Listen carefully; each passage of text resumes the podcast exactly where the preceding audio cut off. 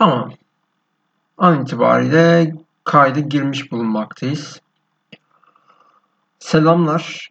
An itibariyle şu anda görece dinlediğiniz şey başlıklardan vesaire gördüğünüz üzere yeni bir mini seriye başlıyorum.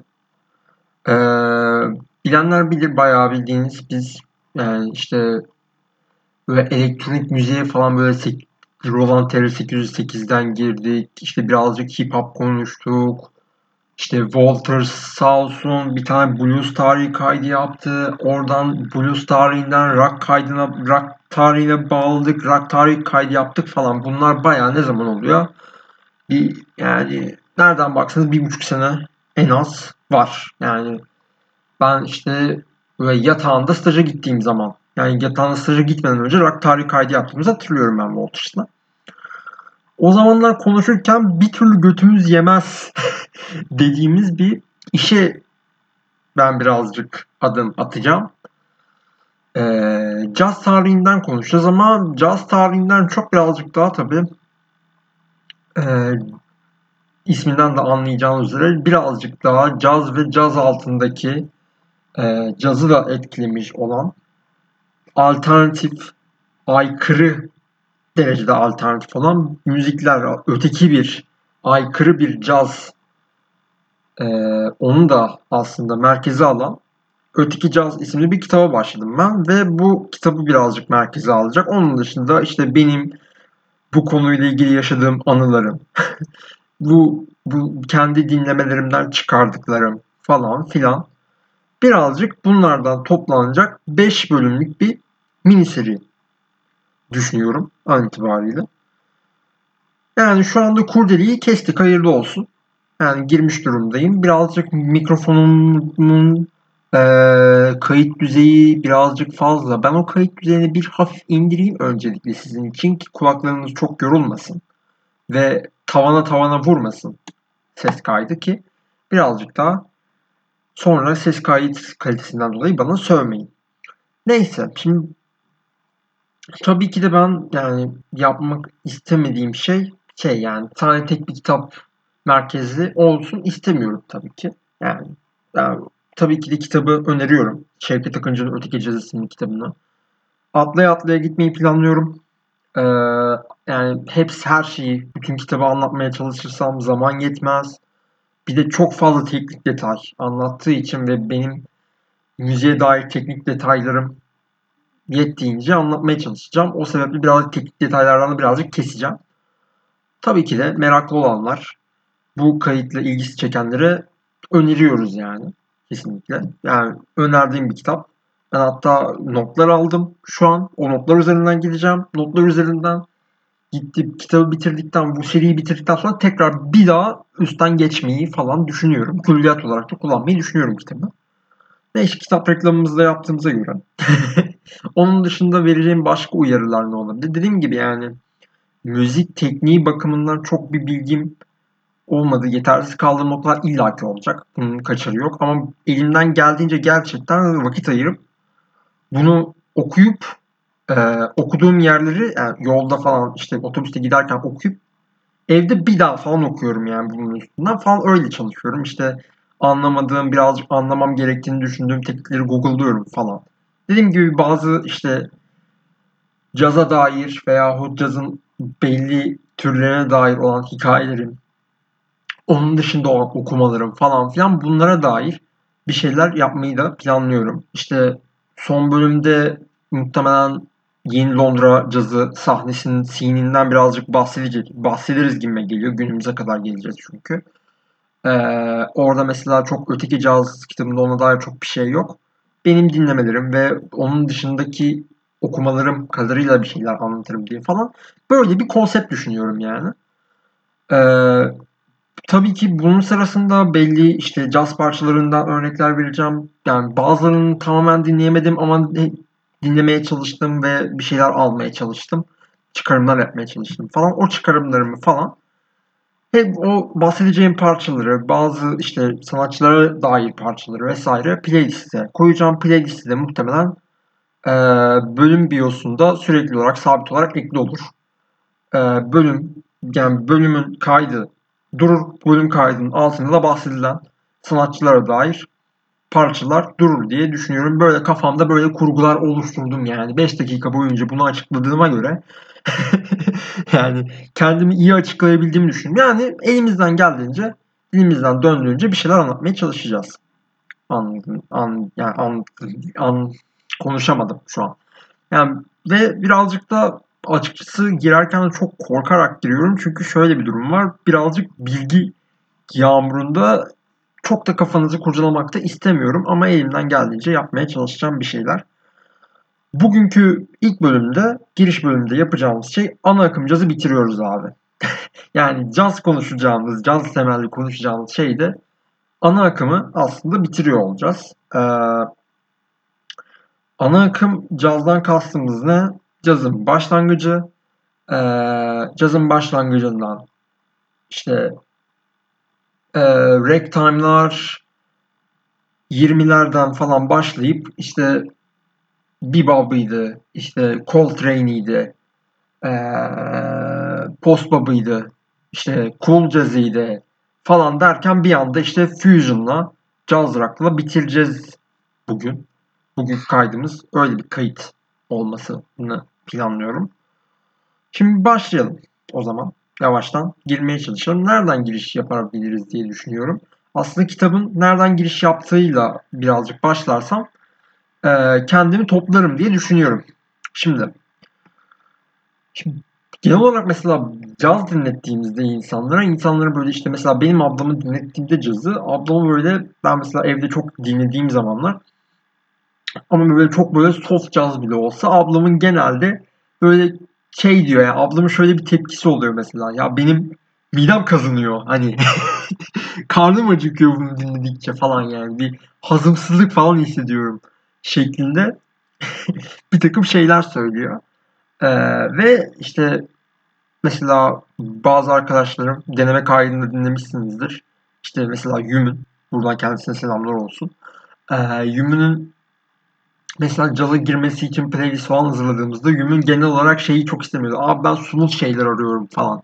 Hani bana çok böyle cazı caz böyle olmadan olmuyor biliyorum ama falan filan. Yani genel olarak caza yaklaşım birazcık bu. Yani e, Türkiye'nin yani Türkiye'de demeyebiliriz. Genel olarak böyle cazdan habersiz olan, cazı yeni duymuş, yeni aşina olmaya başlayan insanlar için genel olarak yaklaşım bu. Birazcık daha kakafonik geliyor birazcık daha çok daha dağınık geliyor caz ve ama bir taraftan da caz dediğim şey işte ay caz, ay belgesel falan filan derken e, bir taraftan da öyle birazcık çok elit bir müzik, aşırı elit bir müzik olarak görünüyor ki bunun da birazcık bağlandığı yer ve buradan birazcık bağlarsak aslında böyle hani 1940'lardaki noir filmleri düşünün.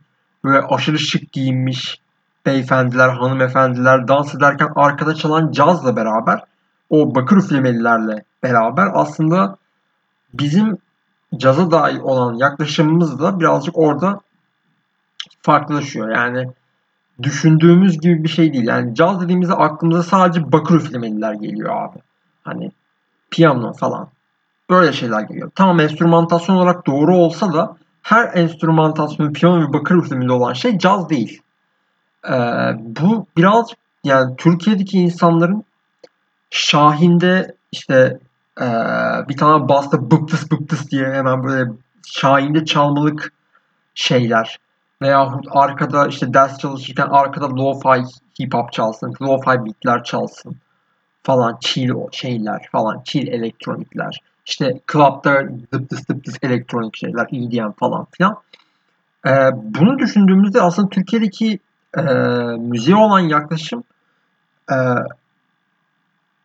Şevket Akıncı'nın kitapta music olarak tanımladığı e, müzikten çok bir aktivite olarak dinlenilen bir şeyden çok sanatsal kaygıyla burada ne yapmış aa şu işte gitarın çalımı ne kadar da güzel falan böyle böyle oturup sadece dinlenme aktivitesinden çıkılıp daha çok başka aktivitelerin meze olan e, dinletiler olarak tanımlıyoruz biz kafamızda.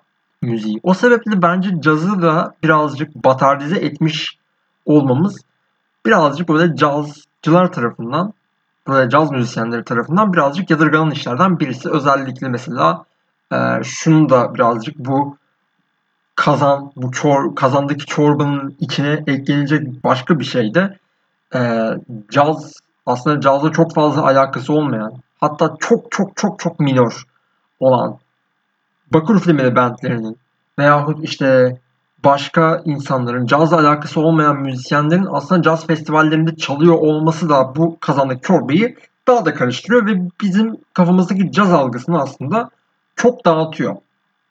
Aslında benim bu kaydı, bu mini seriyi yapıyor olmamın sebebi de ve bu seriyi merkezinde bulunacak olan kaynak olan Öteki Caz kitabındaki sebep de bir nevi aslında bu. Yani cazın bu kadar batardize olmuş olması aslında. Yani ben birazcık öyle görüyorum bu kitaptaki gördüğüm şeyde. Gerçi birazcık daha bu cazdan çok ana akımdan çok alternatif cazı daha aykırı seviyede alternatif cazı konu alıyor. Başta bahsettiğim gibi. Şimdi genel olarak kitabın başladığı yer kültürel değişimler. Yani işte Türkiye'nin bakış açısı falan filan dedik.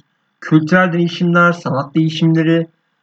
Aslında bu kültürel farklılaşma zaman içinde de veya mekan içinde de bu farklılaşmayı görebiliyorsun. Yani e, zaman değiştikçe kültür farklılaşırken mekanlar arasında farklılıklar oluyor. Örneğin işte Hindistan e, Raja müziğiyle Afrika'daki müzik farklı veya Japonya'daki müzik farklı gibi düşünebilirsiniz. Mekansal olarak da kültürel farklılıklar oluyor. Bu haliyle cazı da farklılaştıran şeylerden birisi. Bu cazı farklılaştıran şey bu farklılık nereden geliyor? Diğer müziklerden farklı nereden geliyor? Aslında çoğunluğun iddia ettiği şey Afro-Amerikalıların kölelik müziği olarak ifade ediliyor ki bunu mesela blues'da da blues kaydında da hatırlarsınız ki bunun aslında işte Çukurova'daki pamuk tarlalarındaki gibi bir halk müziği olarak çıkan işte gospel'ın blues'un aslında bir etkisi olduğunu söylemek mümkün. Ancak bu kölelik kavramının, bu köleliğin altını çizen aslında tam tersine alternatif bir alternatif tarih sunan iddialar da var. Yani burada referans vereceğim kişi Fatma Gül'ün Yengesi isimli e, müzik üzerine yorumlar yapan, kültür üzerine yorumlar yapan birazcık gerçekten e, hafif, hafif bir ekşi sözlük dalyaları olan bir ekşi sözlük kullanıcısının aslında Substack'indeki e, nasıl denir? Bir yazısı, bir entry'si hakkında söylemek e, söylediği, anlattığı şeyler ve koyduğu iddialar bunun aslında tam tersini gösteriyor. Yani Afro-Amerikalıların köleliğiyle, köleliğinden çok aslında kölelik ve normal insan arasındaki farklar, kültürel, orada kültürel ortam dan ele alıp orada aslında kölelikten çok Afro-Amerikalı kölelerin aslında çok daha boş zaman bulması, sanat üretebilecek zaman bulmasıyla aslında bu yolun açıldığına dair bir iddiası var. Bunu bu sadece bir iddiadır yani kölelik müziği olması da bu alternatif tarih iddiası da bir iddiadır. Bunu bence müzik tarihçilerinin ne bırakmak lazım. Yani bu iddialar bir kenarda dursun. Ama aslında cazı e, en başta söylediğim işte ablamın midesini kazındıran, e, yümüne çok kakofonik gelen aslında müziğin temel şeyi aslında çok basitçe doğaçlama üzerinde kurulu. Yani bu caz dediğiniz şey eşittir doğaçlamadır. Şimdi bu doğaçlama doğaçlama çoğunlukla caz hakkında bir şeyler dinlediğinizde, cazı anlatan e, videolarda vesaire dinlediğinizde fark edeceğiniz şey sürekli doğaçlama, doğaçlama, improvizasyon vesaire. Sürekli bu kelime sürekli kullanılıyor. Aslında bu kelimenin ne anlama geldiğini de birazcık işte çok fazla kullanıla kullanıla anladım kanka doğaçlama gibi olmasın diye aslında bu doğaçlamanın altında birazcık doldurmak lazım. Şimdi bir müziği yaptığınızda yani bir müzik müzisyensiniz diyelim. Herhangi bir müzisyenliği yaptığınızda müziği önceden kurguladığınız bir alan var. Yani bu süreç içerisinde bir önce bir bestelersiniz, bir kurgularsınız. Sonra bu bestelediğiniz şeyi aslında stüdyoya girip perform edersiniz. Süreç böyle işler. Yani sonrasında işte post prodüksiyonlar vesaireler de vardı. Ama genel olarak müziğin üretimi, yaratımı çoğunlukla bu iki şey üzerinde. Doğaçlamayla siz aslında kurguladığınız, bestelediğiniz e, fazla performe ettiğiniz fazı aslında ikisini bir araya getiriyorsunuz. Yani ortada aslında kurguyu ve kurguladığınız şeyle performe ettiğiniz şeyi çok eş zamanlı olarak gerçekleştiriyorsunuz. Cazı aslında çok daha yüksek bir sanat haline getiren şey aslında bu. İsme dair çok fazla teori var e, cazın. E, hemen şöyle notlarıma bakayım. Mesela Batı Afrika'daki hızlandırma anlamındaki bir kelimeden geldiğine dair söylentiler var. E, Arapçadaki cazip, cezbedeki kök kelimeden geldiğini iddia edenler var. İşte Fransızcadaki gevezelikten gelen jase şeklinde okunduğunu tarif ettiğim kelimeden geldiğini iddia edenler var. Mesela Afro-Amerikalı, Amerika'daki seks işçilerinin Yasemin sürmesiyle Yasmin kelimesinden geldiğini iddia edenler de var. Böyle birçok iddia var ortada. Yani çok farklı iddialar var. Dediğim gibi bunlar yine bir iddia. Bunu tarihçiler tartışabilir. E, teorisyenler tartışabilir efendim. Şöyle çok fazla eko oluşturmasın diye ben size iki saniye hemen bir kapıyı kapatayım. Ve yavaş yavaş e, çıkışına, cazın çıkışına 16 dakika olmuş. Muhtemelen çok uzun sürecek. Artık yani dinlene dinlene dinlersiniz. Her zamanki klasik söylemimiz. Yavaştan artık bu birazcık böyle kültürel giriş, işte cazın kelime kökeni, cazı, caz yapan şey gibi böyle ufak tanımlamaları ortadan ortaya birazcık koyduktan sonra artık şuna gelebiliriz. Ee, çıktığı yer tam böyle kesin değil yine. Ee, ama hem fikir olan yer, işte etnomüzikologlar, müzik tarihçileri tarafından hem fikir olunan yer de New Orleans. New Orleans'ın ne halde olduğunu göz atıldığında abi 1800 sonra 1900 borçlarında başlarında çok kozmopolit bir yapı var. Yani işte Fransızlar, İngilizler, İtalyanlar, Almanlar bunlar kendi kültürlerini getiriyorlar. Bunların dışında Afro-Amerikalılar, e, Haitililerin Kreol isimli ismini olarak adlandırılan halkı gibi işte bunlar böyle bir kozmopolit bir metropolitan bir yapı görüyorsunuz aslında New Orleans'ta o zamanlar, çıkış zamanlarında. Evet, bunlar kendi kültürlerini dediğim gibi kendi kültürlerini, yerel kültürlerini ve yetiştiği kültürleri getiriyorlar. O zamanın kültürlerini de getiriyorlar.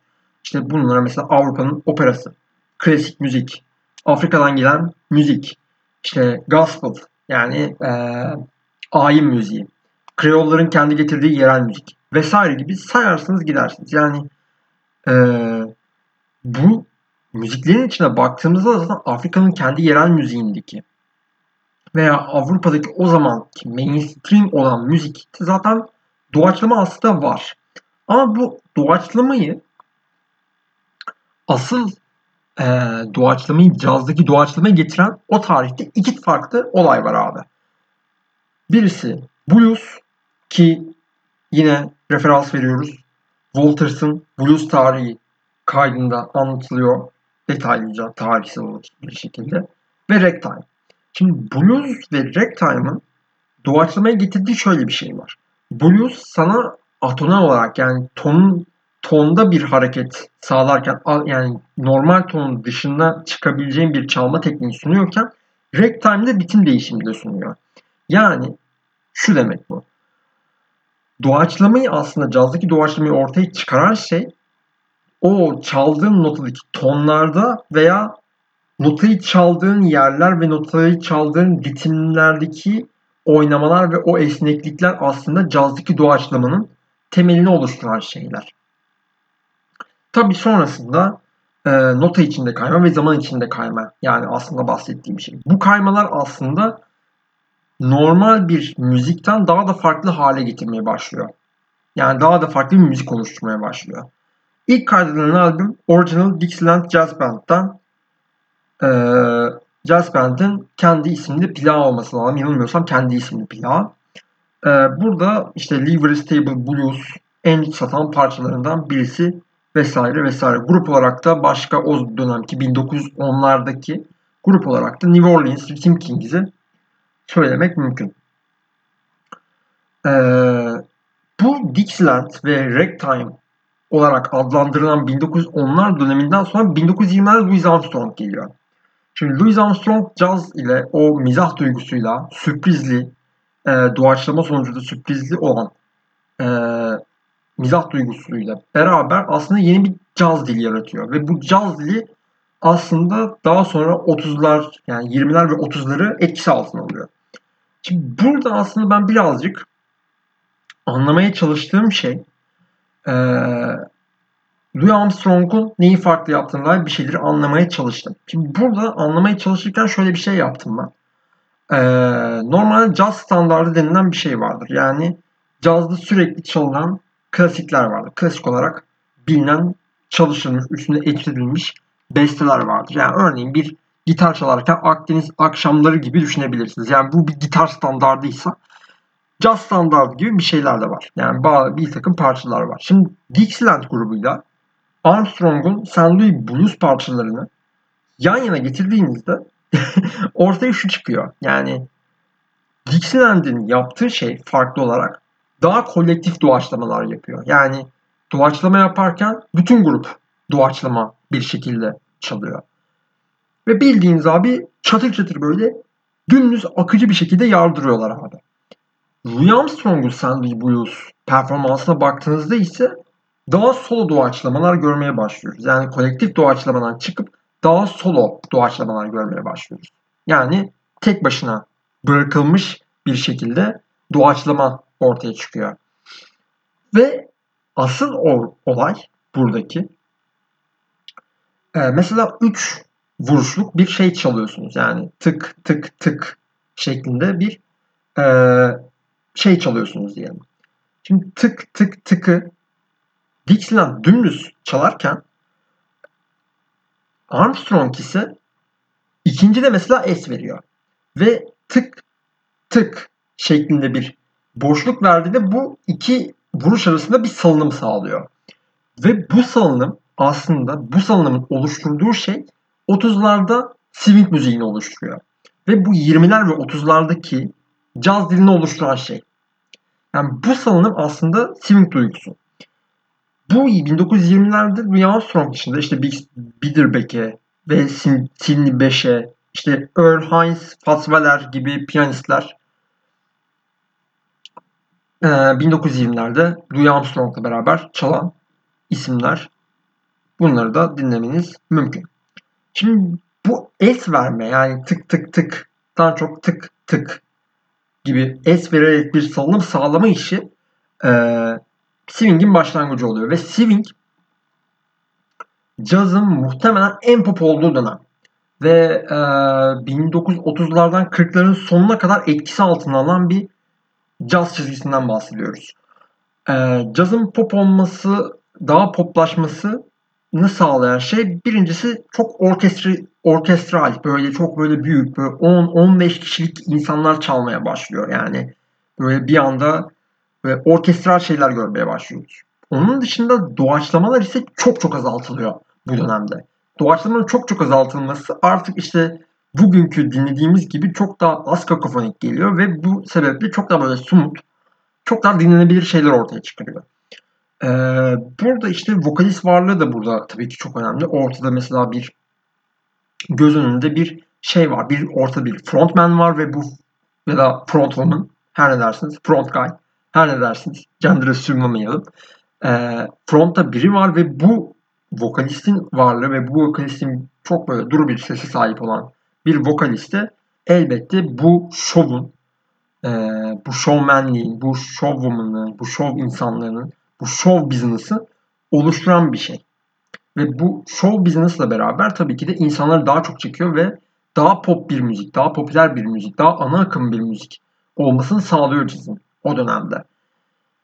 Ee, bunun da işte swing'de sayabileceğimiz isimler hemen şöyle notlarıma baktım. Benny Goodman, Lester Young ki Lester Young çok daha sonrasında birçok saksafoncuya Coltrane'e kadar influence'u var, etkisi var. Art Tatum, Django Reinhardt gibi gitaristler vesaire var.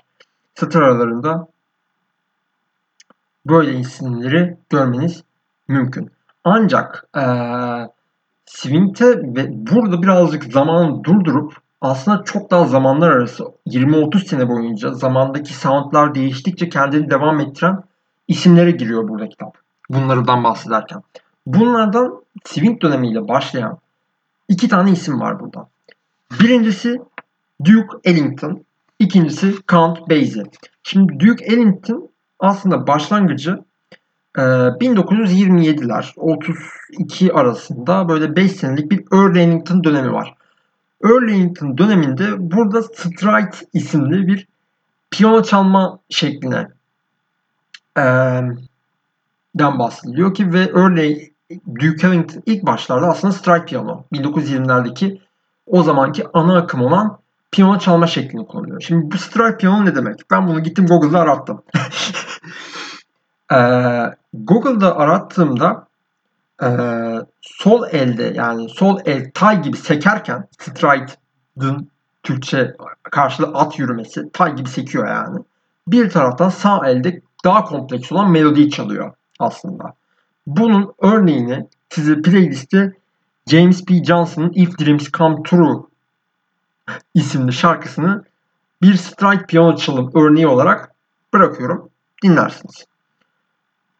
Earlington'da yani ilk başlardaki Duke, Duke Ellington'ın ilk başlardaki döneminde aslında strike çalım stili. Yani 20'lerin ana akım çalım stili sahip. Bunun örneği olarak Mood Indigo'yu sanırım verebiliriz diye düşünüyorum. Ancak zaman geçtikçe yani modern caza da uyduğunu, daha farklı çalım stilleriyle de kaydığını görüyoruz Duke Ellington'ın. Ee, yani bu modern caza örnek olarak örneğin 63'teki John Coltrane'le olan albümü örnek verilebilir. Hatta 70'lerde The Euro, The Afro-Eurasian Eclipse isimli bir albüm var ki yani 70'lerin 70'lerde biri yeterince varlık gösterebilecek bir albüm ortaya koyması bile gerçekten zamanın ötesinde bir insan olduğunu gösteriyor Duke Ellington.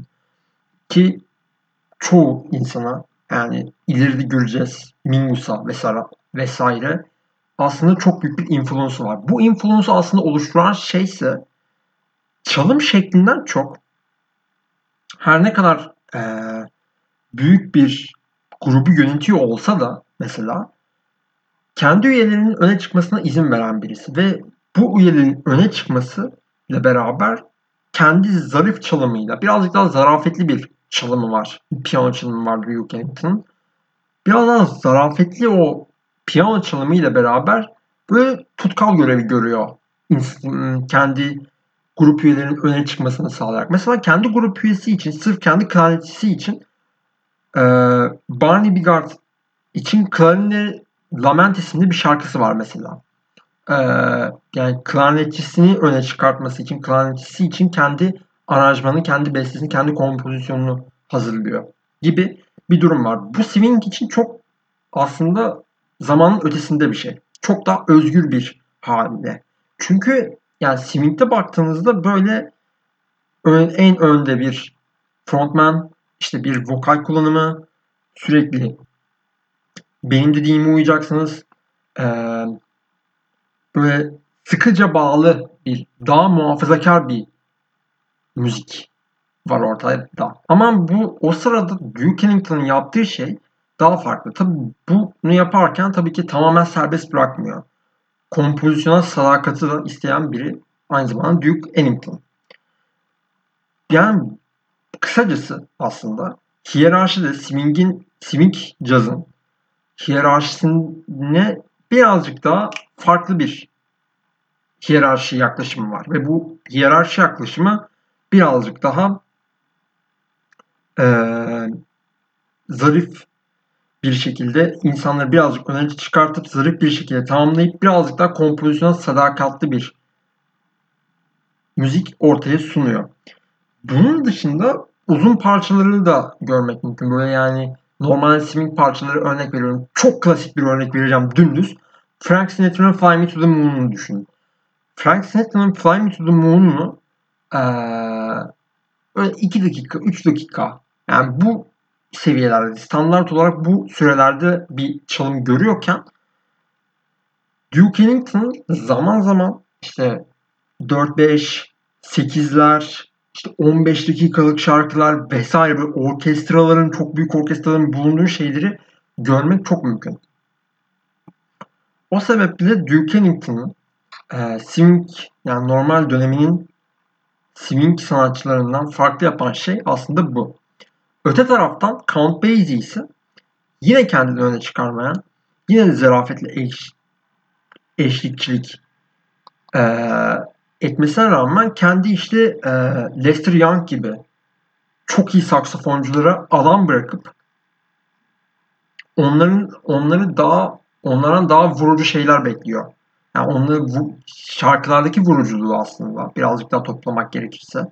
Count Basie'nin yaptığı şey e, kendini öne çıkarmamasına rağmen vuruculuğu bakır üflemeleri işte saksafoncuya, trompete bırakan bir e, liderlik yapısı var. Onun dışında yine anlattığım stride piyano denen soleli sadece birazcık daha zayıf melodiler, birazcık böyle bir nota, sadece bir notaya basarak basarken sağ elde daha kompleks melodilerin döndüğü piyano çalma şeklini Count Basie'de sürdürenlerden birisi. Onun dışında sessizliği, iyi kullanışı ve ritim duygusu da önemli e, swing jazz pioneerlarından biri yapıyor Count Basie.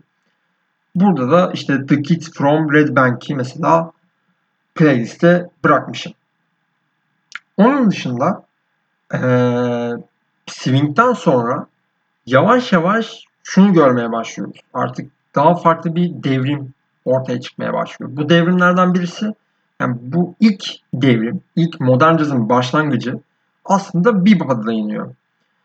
Bebop'ı aslında böyle swing'e bir tepki olarak değil bu. Yani her ne kadar devrim olarak lanse edilse de bebop çağı e, swing'den aslında yavaş yavaş evrilerek o dönemki sanatçıların aslında yavaş yavaş bebop'a dair bir şeyler yaptığını görüyorsunuz. Ancak tabii ki de tamamen bebop'a geçiş zamanla böyle tek günde değil zamanla oluşarak bir yeni bir caz formu ortaya sunuyor. Şimdi normal swing'de ne dedik abi? Şimdi farkındayım. Çok böyle yani her ne kadar aklımda korktuğum şey başıma geliyormuş gibi hissediyorum ve çok karmaşık ve çok böyle terimlerin yağdığı gibi bir şey hissediyorum şu an ama e, biraz da aslında şunu anlatmamız lazım. Swing'de gördüğümüz şey çok daha büyük orkestralar vardı. Böyle 10, 15, 20 kişilik böyle çalgıcılardan oluşan önde vokal var falan böyle önde birazcık böyle jilet gibi abiler falan filan birazcık böyle show business'ın işin içinde olduğu daha pop, daha popüler kültür malzemesi olan bir caz görüyorduk Swing'de. Bebop sound dışında aslında e, bunu da değiştiriyor. Çok daha elit bir noktaya çekiyor cazı. Yani elitin sevdiği bir yere çekiyor. Birazcık daha teknik olarak girilirse Swing'de böyle zarafet, işte yavaştan yavaştan yavaştan şeyler varken Bebop'ta çok daha yüksek ritim var. Daha küçük, daha böyle 4 kişilik falan gruplarla yapılan, icra edilen bir müzik. İşte daha kompleks doğaçlamalar, böyle hayvan gibi virtüözite isteyen. Ee, önceden böyle kestirilemezdik. Yani swing'de birazcık daha önceden kestirilebilirlik var. Çünkü ortada doğaçlama neredeyse çok kısıtlanmış. Artık bebop'ta bu doğaçlama tamamıyla salınıyor. Ve e, gözünden tabii vokalin de ortadan kalkmasıyla çok daha elit bir noktaya gidiyor caz. Bebop'un aslında getirdiği yer bu. Bebop'ta aslında bahsedilen 3 tane yaratıcı ve e, pioneer uydu Türkçesi ama pioneer yani hmm, yön veren 3 farklı isim var. Saksafoncu Charlie Parker ki Bebop'un muhtemelen en büyük ismi. Dizzy Gillespie, trompet ve Thelonious Monk. Şimdi bu üç kişi de aslında Charlie Parker ve Dizzy Gillespie aslında kitap böyle çok da yer vermiyor gibi. Böyle çok ufak satırlarla geçiyor gibi. Ama aslında Charlie Parker o dönemin çok ötesinde e, gerçek bir devrimci olduğunu söylemek mümkün. E, yani sürekli de çoğu yerde böyle Exodus'ta falan açarsınız. İşte ne bileyim e, herhangi bir cazla dair herhangi bir şeyde okuduğunuzda aslında çok daha devrimci olması ve çok daha şey olduğunu hissedersiniz. Ancak aslında şunu çok atlıyoruz. Bebop aslında bebop yapan şeyleri yaratan isimler Charlie Parker ve Dizzy Gillespie. Yani ee, yüksek ritim, daha kompleks doğaçlama, hiç boşluk yok, swing şeyi hiç yok. Çatır çatır böyle salınıyor ama ve yardırarak gidiyor. Çok akıcı bir şekilde gidiyor. Bunların hepsi aslında Charlie Parker ve Dizzy Gillespie'nin müziğini Charlie Parker ve Dizzy Gillespie'nin müziği yapan şeyler. Bebop yani Bebop'un aslında yaratan insanlar.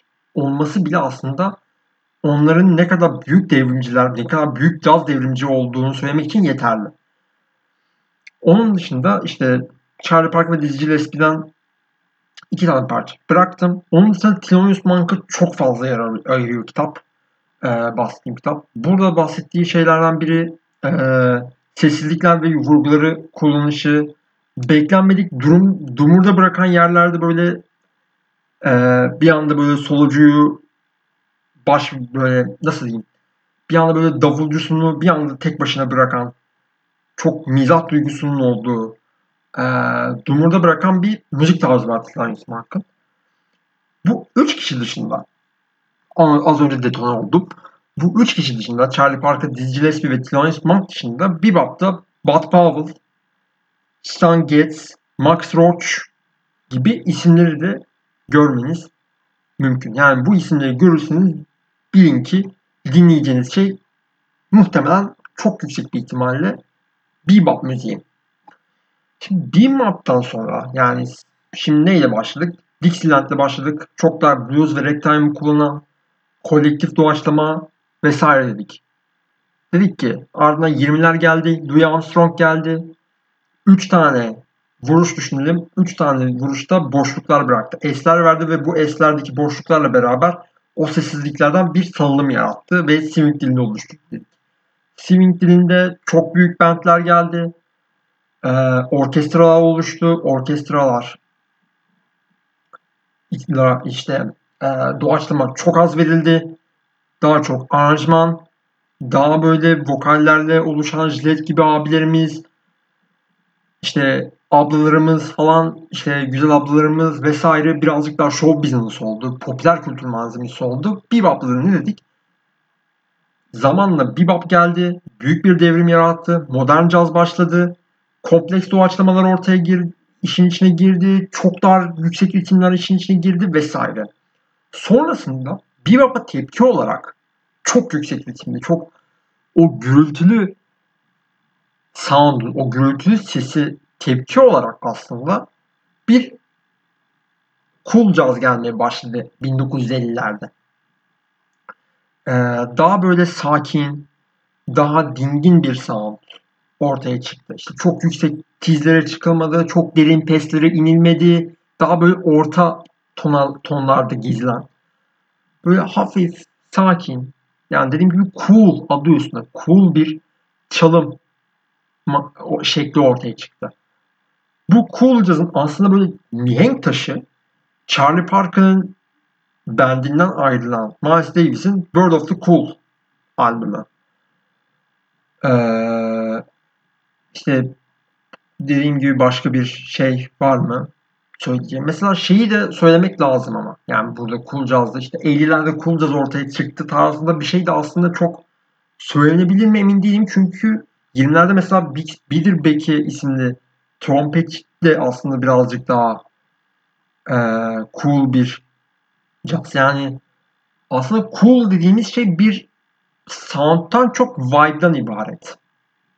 Ve bu vibe aslında swing döneminde de 20'lerde de işte Fusion döneminde de göreceğiz yani. Cool Jazz'ın aslında çok geniş bir yayılımı var. Aslında bir çalım şekli, bir verilen bir vibe aslında. Cool Jazz'ın alt kategorisi olarak, kategorisi olarak da kategorisi, kategorisi olarak da ee, West Coast denilen bir caz ortaya çıkıyor. Şimdi West Coast denince aklınıza tek bir şarkı söyleyeceğim ve demek istediğimi hemen anlayacaksınız. Dave Brubeck'in Take Five'ını bilirsiniz. Take Five bir West Coast şarkısıdır. Aslında Cool Jazz'ın bir alt kategorisi. Çok daha melodik. Cool olsa da çok sakin, dingin değil. Birazcık daha melodik bir cool jazz ortaya koyuyor. West Coast dediğimiz jazz. West Coast'u işte Dave Brubeck dışında Chet Baker, Gary Mulligan gibi isimlerde duyarsınız. Ki Gary Mulligan e, Bird of the Cool'da yanılmıyorsam Miles Davis'te çalıyor. E, bunlar da West Coast'un önemli iki ismi. Bu sırada 50'ler 50'lere geldiğimizde bu zaman çizgisine daha da ilerlediğimizde West Coast popülerken bir taraftan bu tepki varken bebop'un uzantısı olarak bir hard bop geliyor. Hard bop aslında şöyle bir ifade var aslında. West Coast'a göre çok daha improvize. Yani bebop'la West Coast işte cool jazz arasında bir yerde oluyor. Biraz böyle bebop'tan daha swing'e kaymış. Biraz daha aranje, aranjmanın olduğu. Biraz daha doğaçlamadan bir tık daha bebop kadar doğaçlama değil. Daha kompleks değil. Ama bir taraftan da West Coast'ta cool jazz tarafına göre de çok daha improvize, çok daha kompleks. Yani daha arada kalmış bir bop görüyoruz. Ama sert ve çiğ bir sound görüyoruz.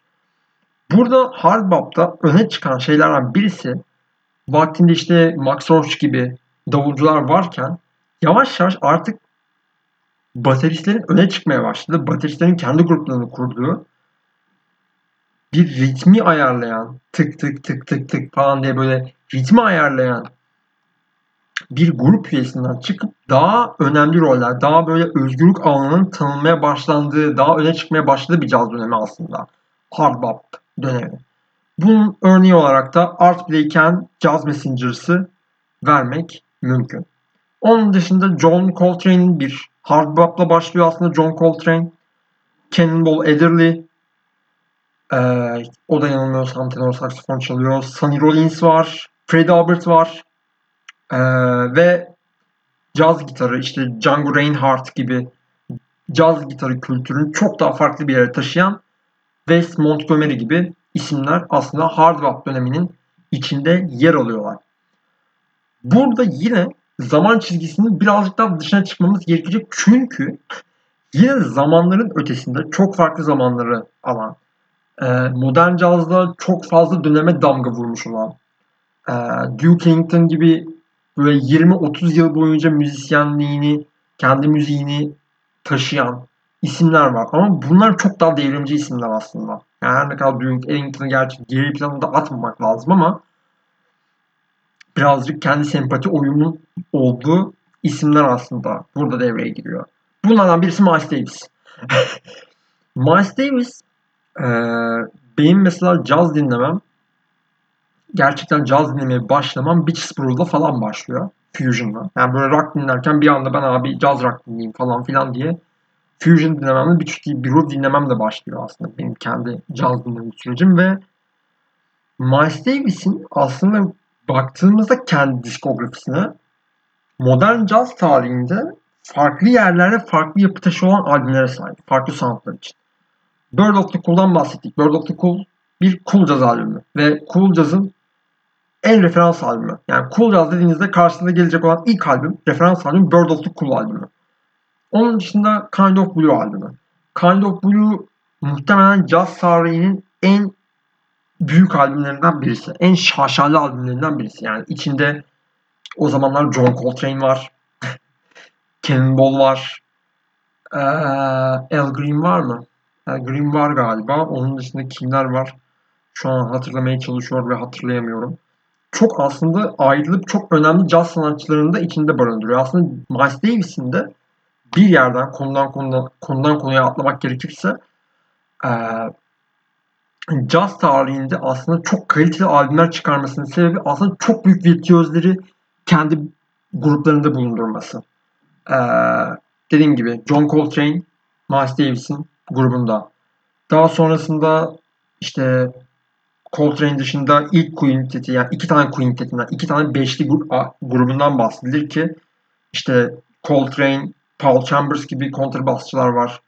Red Garland ve George Jones'tan oluşan 50'ler beşlisi var. O beşliden çıkanlar. Mesela Gary Mulligan'ın Bird of the Cool'da açılan Gary Mulligan'ın çok iyi bir West Coast cazcısı olması vesaire. Bir taraftan böyle sakin havalı bir beşli varken bir taraftan da öteki taraftan 60'lardaki beşlisini sayıyorum. Herbie Hancock, Wayne Shorter, Ron Carter ve Tony Williams. Bunlar 70'lerde Fusion'a geldiğimizde anlayacaksınız ki yaldır yaldır kendi gruplarını kuruyorlar ve neredeyse Fusion'ın en büyük isimleri oluyorlar bu insanlar. Ee, onun dışında bu insanın altından bu Miles Davis'in altından çıkan insanlar başka kimler var? İşte hatırlamaya çalışıyorum şu an. Chick Corea'lar vesaireler çok fazlasıyla, çok büyük, çok fazla sayıda virtüözle çalışmış bir isim Miles Davis. Burada tabii Miles Davis'in yetiştirmesinin de etkisi olabilir. Miles Davis'e e, bunun ekmeğini de yemiş olabilir. Bunun tabii tarihçiler, bunu yorumlayıcılar kendileri karar verirler. Ancak Miles, şu bir gerçek ki Bird of the Cool, Kind of Blue, işte klasik müziği e, işin içine kattığı third stream denilen, üçüncü dalga müzik denilen, klasik müzik, caz müziğin birleşimi olan Sketches of Spain gibi bir albüm mesela. Yine Silent Way, Bitches Brew gibi fusion albümleri vesaire gibi çok fazla yapı taşı olmuş albüme sahip aslında maalesef. Ve bu bahsettiğim albümler gerçekten de kendi o dönemki e, caz soundları için, caz dönemleri için yapı taşı olan albümler ve hala çok dinlenilen e, böyle toplan albümler bu albümler. Bu sırada tabi mesela Kind of Blue'dan bahsettik. Mesela Kind of Blue'dan bahsederken şunu, şunu söyledim. Jazz tarihinin en büyük albümlerinden birisi. Muhtemelen çoğu listede bir numaraya Miles Davis'in Kind of Blues'unu yazıyorlar. Ee, en kötü ihtimalle ilk üçe giriyor yani. Kind of Blue'da yaptığı şey aslında caz, cazdaki bir yaklaşımı tamamen tersine çevirmesiyle alakalı bir şey. O yüzden caz önemli. Bu ne? Çok hemen kısaca teknikte gireceğim. Ki bunu dediğim gibi tekrardan playlist'te göreceksiniz. Değişken ses dizeleri varken cazda yani değişken böyle çok hızlı değiş yani farklı dizeleri farklı ölç belirli ölçüler içinde nasıl anlatabilirim? Bir ses dizisi var. Bir tane ses iki, üç tane ses diziniz var ve bu, bu üç ses dizisini belirlenmiş zamanlar içerisinde belirlenmiş ölçüler içerisinde yapıyorsunuz. Bu böyle bir caz yaklaşımını Miles Davis tam tersine çeviriyor. Ee, bir tane ses dizimiz var sadece elimizde ve bu ses dizisini farklı ölçülerde, farklı ritimlerde kaydırarak aslında bir jazz sound üretiyor Kind of Blue'da ki bunun örneği Blue in Green. Yani muhtemelen Miles Davis'in Spotify e, profiline girdiğinizde ilk önünüze çıkacak olan şarkıda bunu görebilmeniz mümkün. Ki bunun dışında free jazz olan, özgür jazz olan katkılarına bir sonraki bölümde geleceğiz. Şimdi Miles Davis'i konuştuk. 48 dakikadır ben konuşuyorum. Bir takım kavramlar, jazz soundları böyle hap hap veriyoruz havalarda uçuşuyor. Bunu artık dinlene dinlene tekrar ede ede dinlersiniz. Bilemiyorum. Yani şu anda muhtemelen çok bir verim alamayacağız gibi bu kayıttan. Coltrane'e geldiğimizde mesela bunun dışında yani Miles Davis 60'lara geldiğimizde Miles Davis'in ikinci beşlisi Herbie Hancock'lı, Wayne Shorter'lı, Ron Carter'lı ve Tony Williams'la beraber yürüttüğü quintetini, beşli grubunun bir taraftan ana akımken 1960'larda diğer ana akım olan e, grup ise John Coltrane'in grubu. John Coltrane'i aslında dört farklı dönemde saymak mümkün. Miles Davis'in Thelonious Monk çaldığı bir 50'ler dönemi var. Hard bop çaldığı bir hard bop, Miles Davis ile çaldığı, Monk ile çaldığı bir 50'ler sonuna doğru bir dönemi var.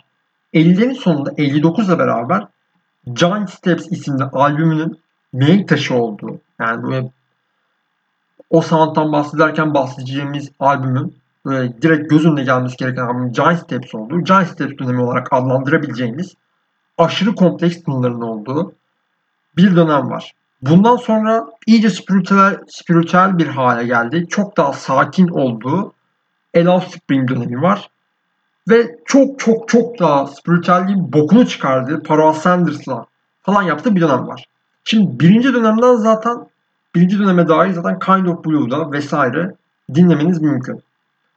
Dördüncü olarak bahsettiğim iyice spiritüelliğin bokunu çıkardığı dönemi bir sonraki bölümü bırakıyorum. Bu iki albüm yani Giant Steps'ten ve A Love Supreme'den bahsederken o aralıktan bahsederken, o dönemden bahsederken biraz daha tekniğe girmek istediğimizde çok tek bir teknikten bahsedemiyoruz. Çünkü John Coltrane gerçekten çalışkan böyle saksafonuyla kafayı yemiş bir herif.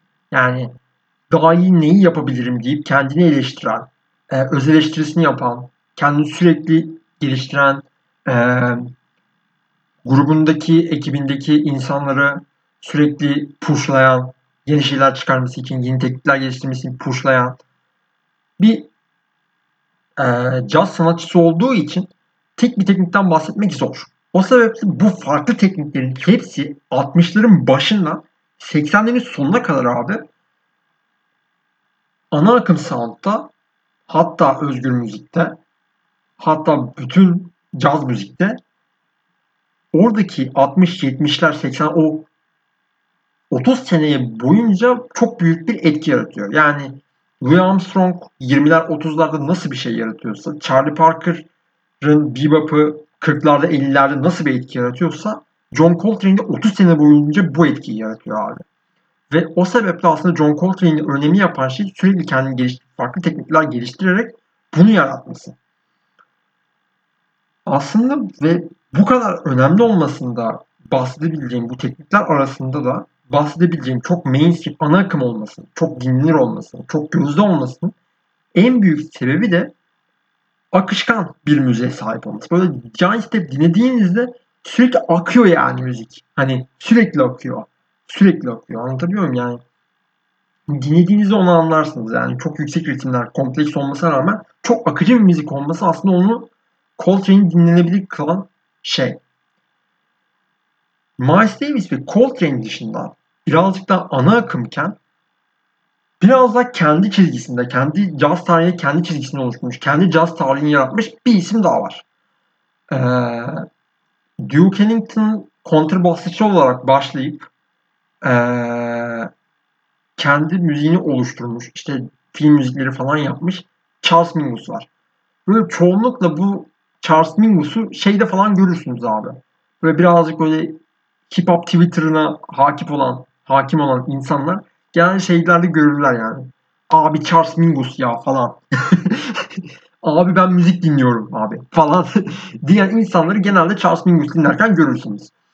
Ee, Charles Mingus'un aslında dediğim gibi Duke Ellington kontrbasçısı olarak kariyerine başlıyor ve yani dediğim gibi yani cazdan sürekli bu tarihten caz tarihinden bahsederken sürekli bahsettiğimiz kişiler piyano ee, ve bakır üflemeliler. Hani piyano ve bakır üflemeliler bu kadar ana akımken Charles Mingus bir kontrbasçı olarak aslında bir bakır üflemeli ve bir piyano seviyesinde bir virtüöz olmayı başarabilen isimlerden biri. Bu sebeple aslında başlı başına önemli bir isim Charles Mingus. Onun dışında aslında kendisini böyle Charles Mingus dinleyeceğim ben dediğinizde ki mesela ben dinlemeye çalıştığımda bir kere zaten kontrbası duyabilmeniz için çok iyi bir kulaklık lazım. Ki ben genelde böyle eski haşat olmuş kulaklığımı takmak zorunda kaldım falan. Charles Mingus'un e, aslında solo olarak kontrbas virtüözü olmasından çok öne çıkarılması gereken mevzu aslında bir besteci bir kompozisyon yaratıcısı olması. Ve bu kompozisyonu yaratırken de yine Coltrane gibi sürekli kendini geliştiren geliştirmenin yanında çok çeşitli soundlar kullanması, çok çeşitli enstrümanlar kullanması, çok çeşitli e, müzik türlerinden etkilenmesi. Bunların örneği olarak mesela kitapta Meksika halk müziğinden etkilendiği örnek olarak verilebilir. işte çağdaş müzik, işte her zamanki gibi gospel yani kilise aynı müziği vesaire gibi birçok da yine etkilendiğini, o etkileri yine müziğinde böyle çok teknik olarak hissedebilmek mümkün. Charles Mingus'un bir de bu çeşitlilikleri yanında böyle deli deli sidemenleri de var mesela. Benim böyle gördüğümde şok olduğum Roland Kirk isimli bir adam var mesela ve bu Roland Kirk isimli adam abi şöyle 3 tane saksafonu aynı anda ağzında çalabiliyor bu adam. yani fotoğraflarını gördüğünüzde şok olacaksınız. yani ona dair bir tane şey bıraktım. iki tane, üç tane saksafon aynı anda çalıp hatta aynı zamanda böyle burnun burnuyla flüt falan çalan bir herif var. Mesela bu Mingos'un sidebandlerinden birisi. Ve aynı zamanda özgür caza da giden, özgür caza da bu bakımdan katkısı olan, kendi dinlemeleri de olan bir isim Mingus. Şimdi o kadar işte şeyden bahsettik. Yani 60'ları falan filan bitirdik sayılır.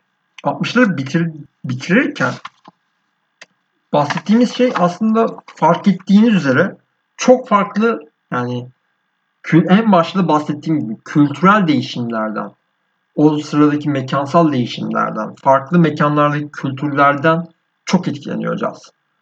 Ve bu etkilendikçe işte Meksika halk müziği, işte ne bileyim Haiti Kreol müziğinden bahsettik vesaire. İşte Latin Amerika müziği ki Bossa Nova falanlar filanlar işin içine giriyor. İşte Türkiye'de mesela özgür cazcılar işte Türk böyle oryantal, oryantalist şeylerden ilham alıyor. Hint müziği, o bu mesela başka bir örnek Dizzy Gillespie bir bebopçu olmasına rağmen Afro-Kübalı müziğinden etkilendiği bir büyük orkestrası var mesela falan filan. Yani kısacası ne demek istediğimi anladınız. Bir caz gerçekten caz müziği tarih boyunca zaten yeterince farklı kültürlerden nasip, nasibini almış bir sound, bir müzik. 60'ların sonuna geldiğimizde ise daha önce de yine referans vereceğimiz muhtemelen podcast'te en çok dinlenmiş olan, kaydımız olan rock tarihi o sırada gelişiyor blues'dan farklılar. O sırada böyle Elvis'ler falan filan bitmiş. Beatles gelmiş. Beatles yeni bir şeyler deniyor. Psychedelic müzik deniyor. Hippilik gelmiş falan. O dönemde caz yavaş yavaş rock'tan bir nasibini almaya başlıyor. Ee, bu tabi yani rock'tan etkileniyor olması ve rock'ın da cazdan etkilenmeye başlıyor olması bu karşılıklı etkileşim o swing'den sonra cazı tekrardan popüler bir popüler kültür malzemesi üretebilecek hale sokuyor. Rock olarak yani rock olarak baktığımızda rock'taki örneği, cazdan etkilenmiş rock örneği olarak Frank Zappa'nın mesela çok farklı rock denemeleri olduğu, işte hot rest'in falan filan olduğu örnekler var. Caz tarafından baktığımızda ise aslında cazın rock'tan aldığı şey işte böyle rock'ın öyle normal gitar değil de böyle bozulmuş elektrik gitardaki o bozulmuş ses vardır ya böyle hafif bozuk ses. O bozukluktan, o sesteki bozukluktan işte e, elektrikli şeylerin kullanılmasından, synthesizer vesaire e, wah pedalının kullanılmasından, e, kontrbas yerine işte bas gitar kullanılmasından gibi böyle enteresan bir etkisi oluyor caza bir anda rock'ın. Ve bu e, bir anda 70'lerdeki 70'lerde böyle bir anda şey haline geliyor. Böyle e, nasıl denir? Fender Rhodes'le böyle Org, Org gibi bir Fender Rhodes isimli bir piyanomsu bir çalgıyla 15 dakikalık solo attığınızda bir anda altın plağa sahip oluyorsunuz. Platinum plağa sahip oluyorsunuz falan. 70'lerde ve 80'lerin neredeyse sonuna kadar hatta günümüzde günümüzde bile etkisi olan e, bu jazz türünün aslında sadece rock'tan etkilendiğini söylemek de çok mümkün değil. O sebeple jazz rock demek de bu sound'un isminde jazz rock demek de birazcık şey tartışmalı. Yani aslında bir füzyon, fusion yani funk, psychedelic soundlar, ambient soundlar, ambient denilen ambient soundlar vesaire birçok yerden etkileniyor caz. Yani o çevresinde o bir anda o hippilikle vesaire birlikte bir patlama yaşıyor ve o kültür patlaması bir anda cazın üstüne yağıyor abi. Ve o yağma sonuç olarak bir fusion sound'una bir rock'tan etkilenmiş bir elektrik caz sound'una dönüşüyor. Aslında jazz rock'ın ilk örnekleri Larry Coryell'in The Free Spirits grubu aslında. Böyle prehistorik bir fusion olarak gösterilebilir. İşte country, blues ve rock kullanıyor. Ama asıl aslında jazz rock ortaya çıkaran şey Miles Davis oluyor. Miles Davis'in In a Silent Way, um, In a Silent Way gibi biraz böyle daha ambiyans, daha ambient bir albüm ortaya koyarken Beaches Brew'la funk, psychedelic e, soundlar, Afrika soundları gibi tabii ki rock vesaire gibi böyle elektrik soundlar vesaire ortaya giriyor ve bu gerçekten çok büyük bir domino etkisine sebep oluyor 70'lerde. Ve Miles Davis'le beraber çalışmış olan Herbie Hancock'lar, John McLaughlin'ler, Chick Corea, Tony Williams bateristi, işte Joe Zawinul'lar, Wayne Shorter'lar, Benim Open'ler. Herkes bir anda böyle yardırıyor yani. Herkes bir anda ayrıldığında Miles Davis'in grubundan ayrılan bir anda kendi grubunu kuruyor ve bu gruplarda bir anda farklı yaklaşımlar getiriyor ve farklı bir popüler kültür malzemesi de olabilmiş ve aynı zamanda kompleks. O Pink Floyd'un zamandaki işte o Dark Side of the Moon'daki progressive rock'la falan filan beraber o ağdalı sound'un popüler kültür haline gelmesiyle beraber bir anda abi şey oluyor yani hani bir anda Miles Davis'ten çıkan bir anda farklı bir grup yaratıyor ve farklı bir sound yaratıyor. Bunun örnek olarak mesela Herbie Hancock. Herbie Hancock bir anda ayrılıyor ve funk'a yaklaşan bir fusion, jazz fusion yaratıyor. Bir taraftan John McLaughlin çıkıyor. Mavişin orkestrayı yaratıyor. O sıra işte hippie kültürü gelmiş. Woodstock olmuş. Onunla beraber Hint müziğinden yararlanmış. Mavişin orkestrayı kurmuş. Chick Corea o zamanki progresif rock'ı görüyor. Return to Forever yaratıyor. Falan. Yani bir anda böyle çatır çatır Miles Davis'ten çıkan bir anda böyle bir inanılmaz farklı, inanılmaz insana uyaran şeyler yaratıyor. Burada kitabın uzunca uzunca kendi teker teker işte sanatçılardan bahsediyor ama ben bunları atladım. Nitekim bir saat olmuş. Yani bir buçuk saate kadar falan varabilir bu. Varabilirdi. Hatta iki saatleri falan konuşurduk yani. Onu birazcık daha kısa bilmek için onları atladım. Ancak burada en çok bahsedilen şeylerden birisi Miles Davis'ten ayrılanlardan Joe Zawinul ve Wayne Shorter'ın e, Miles Davis'le Isle of Wight'ta perküsyon çağırmış Ayrton Moreira'yı almasıyla vesaire beraber Miroslav Vito gibi bir basçı almasıyla beraber Weather Report'u kurması.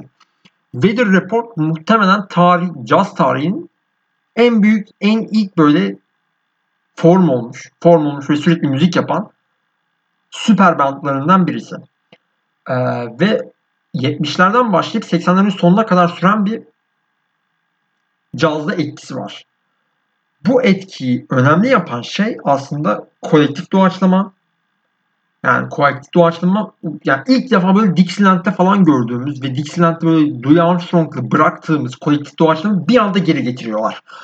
Ve bu kolektif doğaçlama bir atmosfer üzerinden yapıyorlar ve atmosferik bir sound oluşuyor. Ve atmosferik bir soundla beraber o atmosferik sound, o kolektif doğaçlama o fusion'ın bir anda işte rock'la vesaire beraber bir anda şey olmasıyla mainstream olmasıyla beraber en mainstream olan caz gruplarından biri haline geliyor Weather Report.